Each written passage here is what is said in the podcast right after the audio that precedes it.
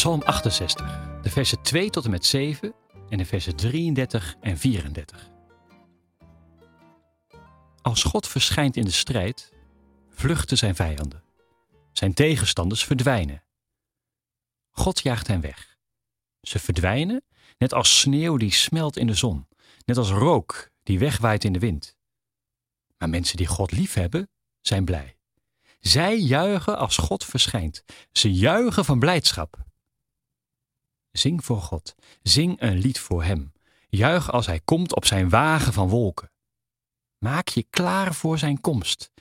Heer is Zijn naam. Hij woont in Zijn heilige tempel. Hij helpt weduwen en Hij beschermt kinderen zonder vader. God geeft aan eenzame mensen een thuis. Aan gevangenen geeft Hij de vrijheid. Hij maakt hen gelukkig.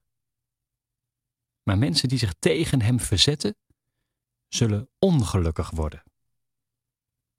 Laat iedereen op aarde zingen voor God. Laat iedereen een lied zingen voor de Heer. Hij rijdt door de hoogste hemel op een wagen van wolken.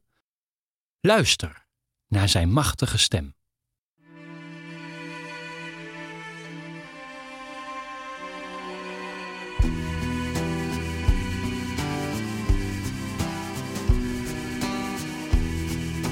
You opened up your door. I couldn't believe my luck. You in your new blue dress, taking away my breath. The cradle is soft and warm.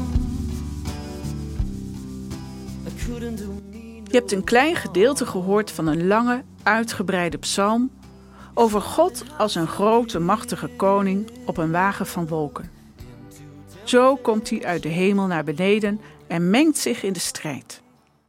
Aarde en hemel, alle natuurverschijnselen zet hij in om vijanden te verjagen en het volk Israël te helpen. Het geeft ons vooral een beeld van een God als generaal, die niets ontziend en met grote gebaren de vijanden van Israël verslaat.